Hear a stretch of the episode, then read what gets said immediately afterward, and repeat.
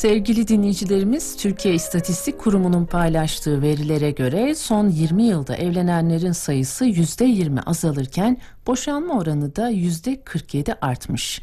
Boşanan çiftler en çok sevgi eksikliğinden şikayet ediyor. Tabii birçok farklı şikayet de var. Neticede farklı etkenler nedeniyle boşanma oranlarının Türkiye'de giderek arttığını görüyoruz.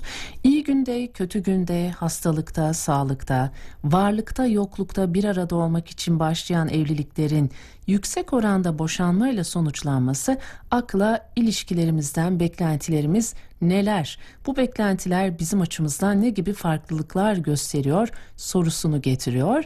Biz de bu sorularımızın cevabını değerli uzman konuğumuzdan almak üzere kendisiyle birlikteyiz. Klinik psikolog Can Karpat telefon attığımızda. Günaydın, hoş geldiniz. Günaydın, merhabalar, iyi yayınlar dilerim. Çok teşekkür ederiz Sayın Karpat. Evliliklere ömür boyu birlikte olalım diye değil de bir sıkıntı olursa zaten boşanırız diye mi başlıyoruz artık? Bu oranlar neden yükseliyor sizce? Evet aslında konumuz olan beklentiler kısmına baktığımız zaman bu konuya kadın ve erkek gözünden ayrı ayrı bakmak yerine çiftlerin gözünden bakmak daha doğru olacak. Çünkü e, çiftler ilişki süresince birbirlerinden beklenti içerisine gidiyorlar ama ilişkiden de bir beklentileri var aslında. Ve bu ilişki beklentisi içerisinde genel geçer bir takım bilgiler var. Nedir bunlar? Kadınlar bu ilişkilerde daha duygusal, erkeklerse daha mantık yönünden bu sürecin içerisinde oldukları düşünülüyor. Ama aslında bizim ilişkide biraz önceki jenerikte de olduğu gibi söylendiği gibi beklediğimiz bir takım temel unsurlar var. Bu unsurlar karşılıklı güven, anlayış, sevgi, sadakat, sabır, samimiyet gibi bir takım temel unsurlar. Bu unsurlardaki beklentiler çiftler arasında erkekler ve kadınlar tarafından fark etmeksizin karşılanmadığı sürelerde işte bu zamanlarda ilişkiler daha çok boşanma yoluna doğru evrilmeye başlıyor. Bir de olumsuz bir beklentiyle e, başladığımızda sanırım belli bir süre sonra en ufak bir zorluk yaşandığında bir uzaklaşma hissi ya da bu yönde bir davranış da artıyor gibi mi acaba? Şöyle bakmak lazım aslında. Bizler insanoğulları e, duygusal varlıklarız. Ve bu perspektiften baktığımız zaman güven duyma, anlaşıldığını hissetme, dinlendiğini hissetme, sevildiğini hissetmek, değer görmek ve aidiyet gibi bir takım kavramlar var. Ve bunlar öne çıkıyorlar. Bu kavramlar ilişki içerisinde olumsuz yöne doğru evrildiğinde tıpkı söylediğiniz gibi ilişki bu sefer beklentiyi daha olumsuz bir yöne çekebiliyor ve bu olumsuzluklar artmaya başladığı zaman da ilişkilerde maalesef ayrılmalar, boşanmalar veya anlaşmazlıklar daha fazla ön plana çıkıyor. İnsanlar kadın veya erkek fark etmeksizin bu takım duyguları fark edemiyorlar veya bu takım duygular içerisinde bir takım güçlükler yaşıyorlar. Bu güçlüklerle baş edebilmek adına da bizim en çok önerdiğimiz şey ilişkinin dinamiğinin aslında iletişim üzerinde olması. Çünkü bu dinamik bozulduğu zaman, iletişim de koptuğu zaman birbirleriyle iletişim kurulamıyor ve bu sevgi hissiyatı, güven hissiyatı bunlar ortadan kalkıyorlar. Bu e, iletişim konusu çok önemli Sayın Karpat. Kiminle konuşsak e, uzman klinik psikologlarımızda her zaman konu iyi bir iletişime geliyor. Şunu da merak ediyoruz. E, bir ilişki içerisinde e, tabii ki açık iletişim olması gerekiyor. Tüm sıkıntıları, tüm problemleri her zaman partnerle paylaşmak doğru bir yaklaşım mıdır? E, işte anne babayla, arkadaşla paylaşılacaklar da vardır diyebilir miyiz? Hani o kişinin üzerinde sürekli bir baskı oluşturmamak açısından soruyorum bunu. Evet aslında şöyle danışanlarımızla konuştuğumuz ve bizim temel prensiplerimizden bir tanesi açık, yalın, şeffaf iletişim. Ama bu şeffaf iletişim içerisinde önemli olan şey doğru veya yanlış kavramlarından çok kişinin duygularını ifade edebileceği güvenli bir ortamı oluşturabilmek. Bu güvenli ortam oluştuğu zaman insan kendisini daha doğru şekilde ifade edebiliyor. Karşısındakine neleri istediğini veya nelerden hoşlanmadığını ifade ettiğinde, duygularını aktarabildiğinde bu sefer sağlıklı iletişimin temelleri oluşmaya başlıyor. Peki bu temeller neye dayanıyor? Unsurları nelerdir? Biraz önce aslında ilişki için söylediğimiz dinleyebilme, anlayabilme, karşımızdakinin ne istediğini, ihtiyaçlarını görebilme gibi temel unsurlar iletişimin eksiksiz parçalarından bir tanesi. Evet, biraz da empati kurabilmek gerekiyor değil mi? Karşımızdaki ne istiyor? Neye ihtiyacı var? E, çünkü her zaman herkes de açık bir iletişim içinde olmayabiliyor. Hani kişilik özelliği olarak da farklı olabiliyoruz. Kimi açık açık söyleyebilirken kimi biraz daha anlaşılsın istiyor gibi. Aslında iletişimin e, temel kavramlarının içerisinde vardır. Her zaman yazılı veya sözlü değil. Bazen de kişiler bunları jest, mimik gibi bir takım beden e, hareketleriyle de gösterebilirler. Bu noktada da biz yine danışanlarımızı ilişkilerde de olsun veya toplum ilişkilerinde de olsun kendilerini olabildiğince ifade edebilmelerini istiyoruz. Çünkü karşımızdaki insanlar bizleri bizler gibi bilemeyebilirler, anlayamayabilirler. Evet. Veya karşımızdaki insanların düşüncesi de bu noktada bizimle uyumlu olmayabilir ve biz bu düşünceleri değiştiremeyiz. Bu düşünceler değişemedikleri için en önemli nokta yine kişinin kendini ifade edebilmesi noktasına geliyor.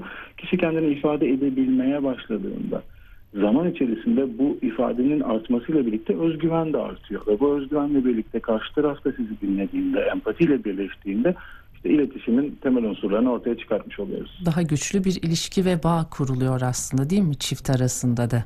Kesinlikle öyle. Sohbetimizin başında şöyle demiştiniz olumlu bir bakış açısıyla e, olumlu beklentilerle başlamak gerekiyor ama e, mükemmel bir ilişki var mı Sayın Karpat? Bunu da çok beklememek gerekiyor değil mi? Beklentileri gerçekçi tutmak da önemli bu noktada. Kesinlikle bir de şuna da bakmamız gerekir ki her ilişkinin kendine göre bir dinamiği söz konusu. Ve Evet. bu dinamik bazen olumlu yönde bazen olumsuz yönde gidebilir. İlişkilerde inişler çıkışlar çok doğrudur veya bizim beklediğimiz yöndedir. Çünkü dediğiniz gibi her zaman mükemmel, her zaman doğru, her zaman kusursuzu bulmamız mümkün değil.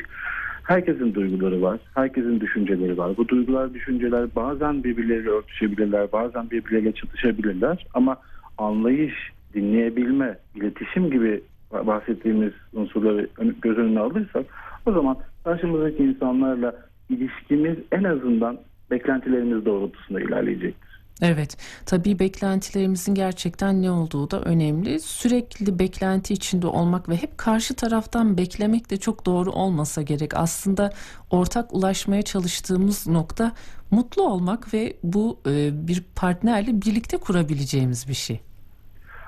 Evet doğru. İlişkilerde sürekli bir beklenti içerisinde olmak ilişkinin dinamiğini de olumsuz yönde etkile- etkileyecektir. Ve sürekli bir beklenti halinde olması temel kavramlarda eksikliklerin olduğunu gösterir. Bu alanlarda daha fazla e, üzerine eğilmemiz gerektiğini gösterir. Hele ki en çok gördüğümüz boşanmalara, ayrılmalara ilişkilerde sebebiyet veren şeylerden bir tanesi de karşı tarafa şikayetvari şekilde aktarılması. Bu sefer karşı taraf kendinin suçlandığını veya bir takım eksikliklerin olduğunu düşünerek kendi kabuğuna çekilme eğilimi içerisine girecektir ve bu da ilişkiye olumsuz katkı sağlayacaktır ve e, maalesef ayrılmaları veya boşanmaları da beraberinde getirecek.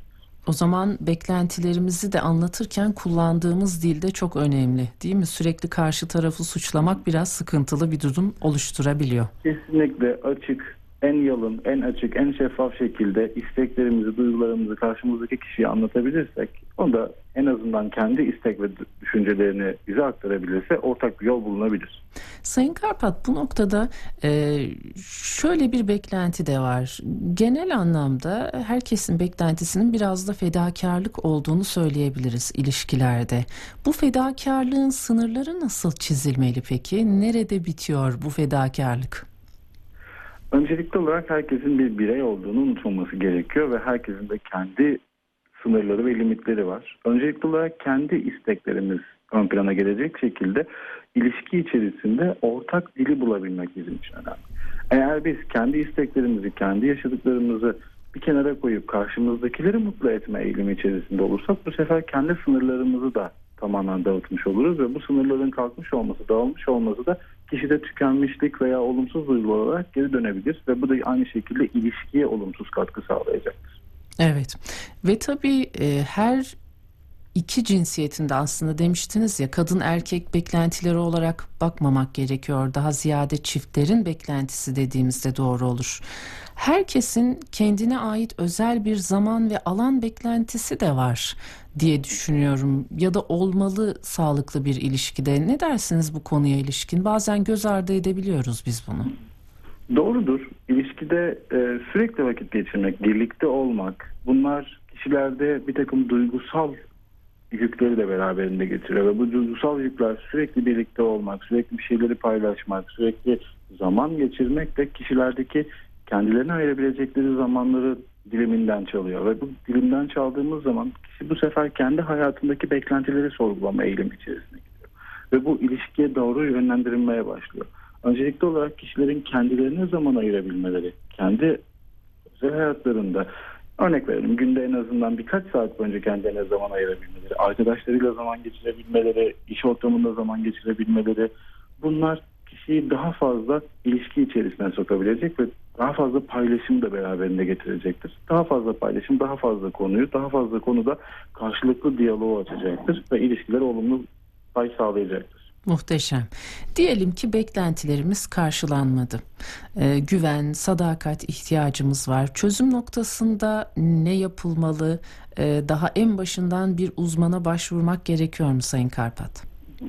Öncelikli olarak dediğimiz gibi yine kişinin kendisinin öncelikli olduğu prensibinden şaşmamamız gerekiyor. Evet ilişki, ilişki içerisinde yaşadıklarımız, yoğun duygular bunlar bazen mantıklı düşünmeyi engelleyebilen şeyler. Ama kişinin öncelikli olarak kendisini koruyabileceği, kendi duygularını ifade edebileceği rahat bir ortam içerisinde olması önceliklidir. Eğer bu ortam sağlanmıyorsa ve ilişki içerisinde olumsuz yöne doğru bir evrilme söz konusuysa tıpkı sağlıklı birleşmeler gibi sağlıklı ayrışmaları da öneriyoruz. Bu süre içerisinde eğer kişiler kendileri bu süreçte bir yol alamıyorlarsa o zaman uzman tavsiyesinde başvurmaları önerdiğimiz şeyler içerisinde. Evet. Şimdi e, Sayın Karpat öncelik biz olmalıyız dediniz ya karşıdaki kişiyi mutlu etmekten önce biz mutlu olalım ki onu da mutlu edebilelim. Sadece e, kadın erkek ilişkileri değil e, arkadaşımızdan, anne babamızdan, akrabalarımızdan da beklentilerimiz olabiliyor. Onlar da hep bizden bir şeyler bekliyorlar. Bu noktada e, onlarla olan bu karşılıklı beklentiler nasıl şekillenmeli? Yine e, herhalde öncelik biziz diyerek yola çıkmamız gerekiyor bu noktada da. Evet, kişinin kendi sınırlarını koruyabilmesi buradaki en önemli faktör. Eğer kişi kendi sınırlarını koruyabilirse, kendi isteklerinde bir yol alabilmişse o zaman bu söyledikleriniz iletişim kanallarıyla birlikte daha kolay olabiliyor. Ama eğer kişi bu sınırları koruyamıyor, karşısındaki insanların söylemleri veya yönlendirmeleriyle hareket ediyorsa bu sefer kişideki olumsuz duygular, kişideki olumsuz düşünceler daha fazla ön plana çıkıyor ve bu da kişideki bir takım psikolojik rahatsızlıkları, beklentileri karşılayamamadan doğru oluşan suçlanma veya kendini eksik hissetme gibi diğer süreçleri de beraberinde getiriyor. Evet. Şimdi ilişkilerimizden beklentilerimiz nelerdir başlığını konuştuğumuzu ben dinleyicilerimize tekrar hatırlatmak istiyorum Sayın Karpat ve e, konunun başında siz de söylediniz aslında e, kadınlar şöyledir, erkekler böyledir ve beklentileri bu yöndedir gibi e, durumlar söz konusu olabiliyor. E, hatta e, gerçekten çok e, gülümsediğimiz bir durum gerçekleşti. Yayına girmeden önce yapımcım bir yazıyı paylaşmıştı benimle. Bir e, psikolog unvanlı bir hanımefendinin yazısı. E, işte belirli genellemeler üzerinden kadınlar e, şu şekildedir, erkekler böyledir ve beklentileri çok nettir şeklinde bir ayrıma gitmiş. Ben o yazıya göre erkek çıktım örneğin. Böyle bir durum var. Çok güldüm buna gerçekten.